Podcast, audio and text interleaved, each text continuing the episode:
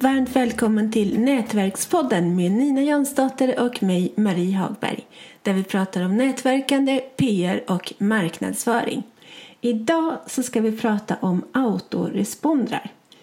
Nina, du har ju inte ens någon mejlinglista. Nej, jag vet. Jag, jag måste du börja inleda med att, att påminna mig om det. Men jag har haft och jag kan säga att när jag jobbade med att samla in mailingadresser bland annat via autoresponder så gick det kanon. Ja, bra. Jag borde göra det igen. Ja, tycker jag. Men jag är ju så jäkla nördigt intresserad av det här med sociala medier och bara vara där och grotta in mig och se hur det funkar. Så att jag, jag, jag är jättedålig på att samla in, alltså jag samlar mina kontakter i sociala medier på Facebook, LinkedIn, Instagram, eh, Twitter eh, till exempel. Och eh, då tänker inte jag på att jag ska ha en egen mailinglista fast jag vet att det är dumt. Mm. Ja, ja, det var tid på det att skaffa en. Men jag tänker, de flesta kanske inte vet vad autoresponder är så det får du gärna förklara. Ja, det är, och jag som är så bra på att förklara något.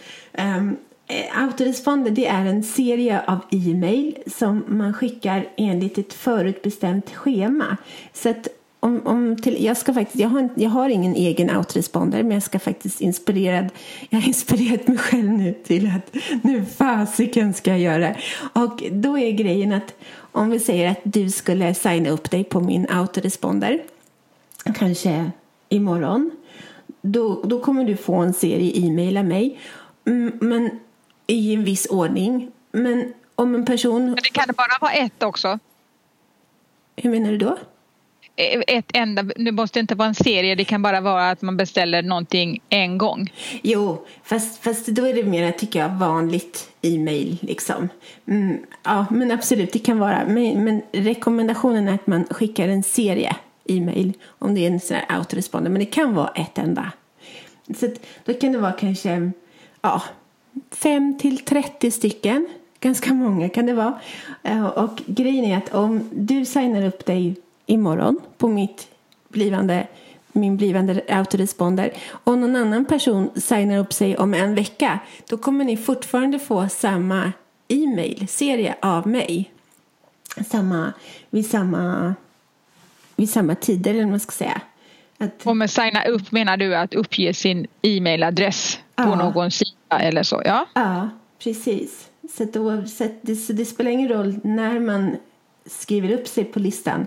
Man kommer få exakt samma e-mail i alla fall. Och vad är det för fördel för dig som samlar in adresserna så här och, och skickar ut? Det finns olika fördelar. En av, två av fördelarna som jag ser det, eller tre. Jag ska se vilka jag ska börja med. Dels är att, om vi tar det från början, att den stora fördelen är att om, om jag skickar ut ett autoresponder och sen så ställer jag en fråga i den här autorespondern som får mottagaren att svara på min fråga. Då, så kommer, då minimerar jag risken att den personen hamnar i spamfiltret. Vilket är väldigt bra. Vad kan det vara för typ av fråga? Um, jag skulle fråga um, jag, jag kommer fråga vad, vad mina prenumeranter tycker är svårt med att få PR. Men det kan vara vad som helst. Det, det bör förstås vara någonting som är relaterat till autoresponden eller din verksamhet. Och då lär du dig samtidigt lite grann om vad målgruppen tänker också. Ja, precis. Som I nästa avsnitt så kommer vi ha i avsnitt 27 så kommer vi prata om det. Läs kundens tankar. Och det här är ett sätt att få reda på vad, vad kunderna tänker. ja, vad man ska säga. Ja, och någon mer fördel då än, än detta? Jag eh, kan utbilda dem om PR. Vad det är, ungefär som den här podden fast, fast i skriftlig form. Och eh, framför allt så, så får vi större om man ska säga, connection med varandra. De kommer förhoppningsvis att lära känna mig och därmed gilla mig lite mer eller gilla överhuvudtaget. Och eh, därmed så kommer de bli mer benägna att handla mina produkter eller tjänster. Så det är fördelar. Vad är det för skillnad på en, en, eh, en e-kurs och en autoresponder? Det behöver inte vara någon skillnad.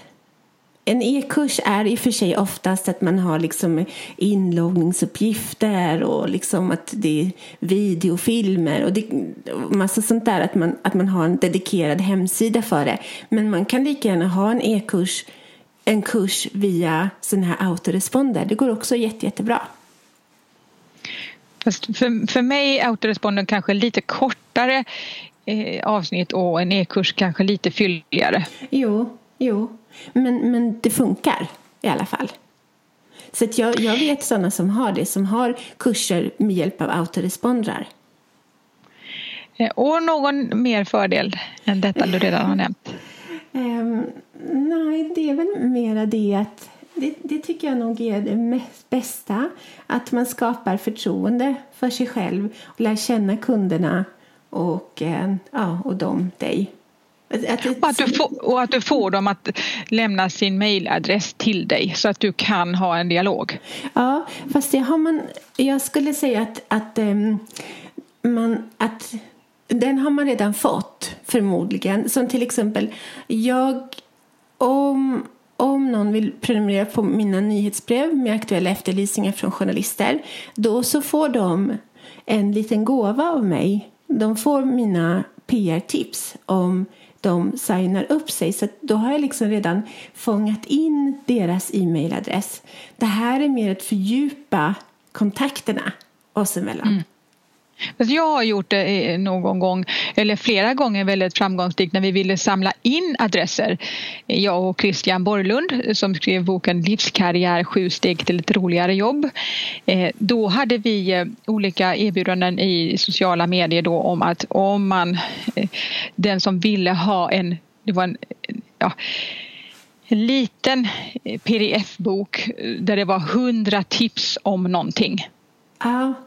Eh, och, och, då, om de då, och det fick de då på autoresponder direkt om de uppgav sin mailadress. Och på det samlade vi in massor med adresser. Ja, ja men alltså det är så man ska göra.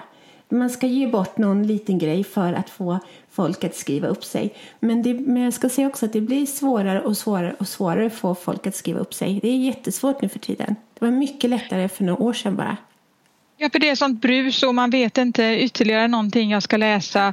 Eh, alltså hur ska man, men hur ska man få någon att tycka det är intressant då, att vilja skriva upp sig? alltså, man måste ge bort någonting som attraherar mottagaren. Det är vad man ska göra. Så man måste vara generös med någonting, sina tips och råd. Och, uh. ja, eller ibland, eh, ja, jag vet ju till och med andra som, där de skänker så fysiska gåvor för att någon ska skriva upp sig. Ja, i USA där alltså är det ganska vanligt nu för tiden att om någon skriver upp sig hur är det nu, och eh, skickar sin fysiska adress och eh, då så får de en hel bok.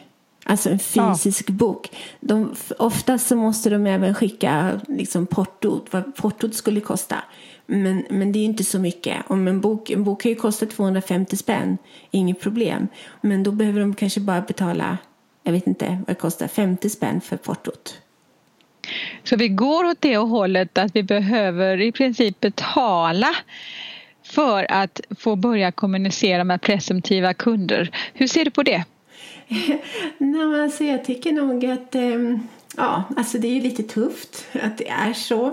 Men vad ska man göra?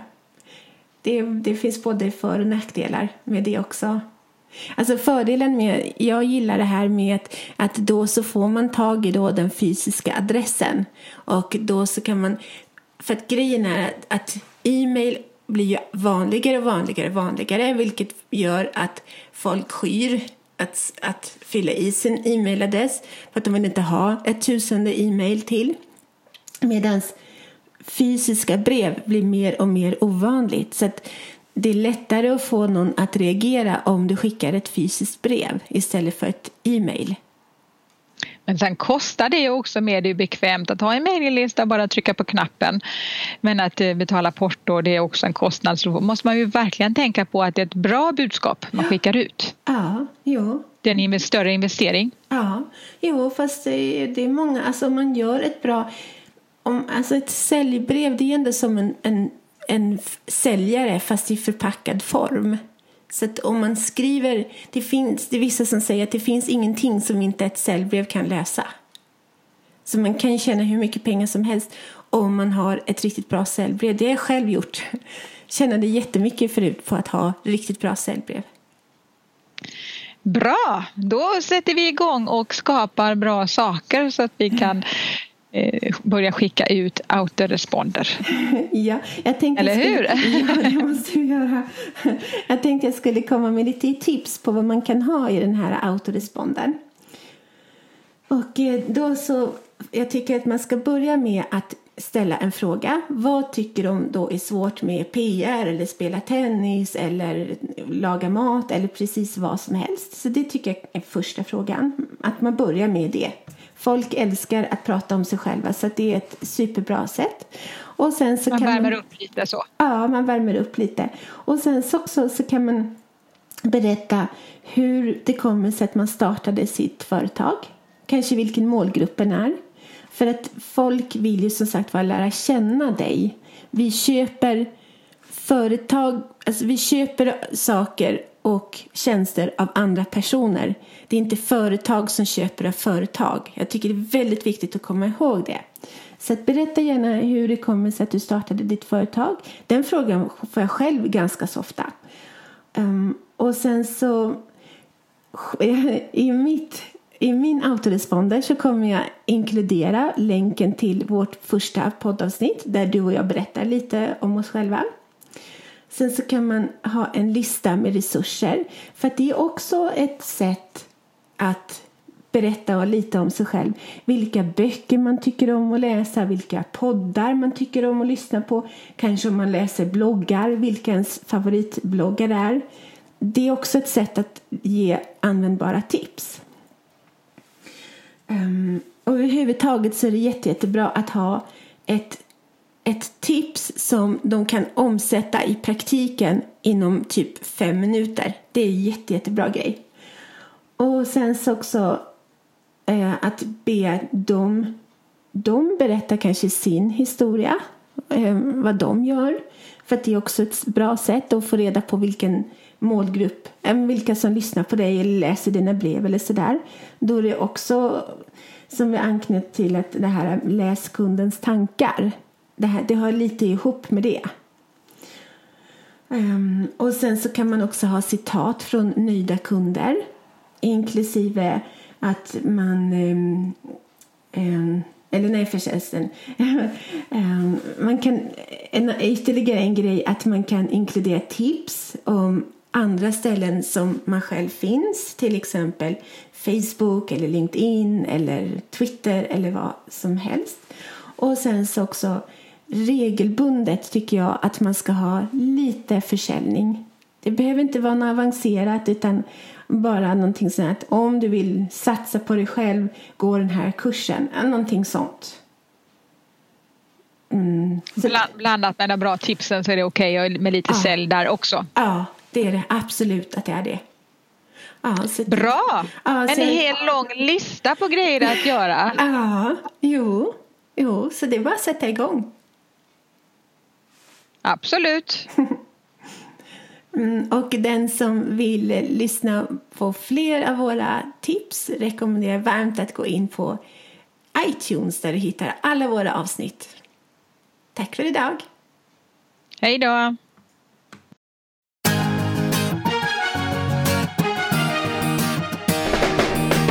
Tack för att du har lyssnat på Nätverkspodden om nätverkande, PR och marknadsföring med Nina Jansdotter och Marie Hagberg.